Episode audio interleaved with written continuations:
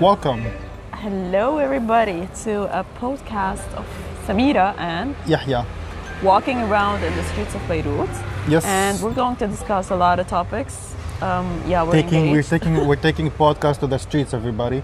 Yep, streets of Beirut, streets of maybe Jbel, streets maybe of We're just Saida, we're just gonna walk, talk, record, and share our podcast with all the noises, with all the surroundings, all the ambience. Yep, Make it more authentic, make it more genuine to be like how to be a Lebanese citizen with all the chaotic chaoticness in Beirut. 100% and yeah we talk Arabic يعني مش بس مش- انه مشكل آه، بالانجليزي بس آه، ومفوت شوي فرنسي وتركي شو جزل وخبريه run. so yeah, stick around, guys, and we hope to yeah to yeah, hear you to around. mesmerize your ears with our sounds and topics. Bye.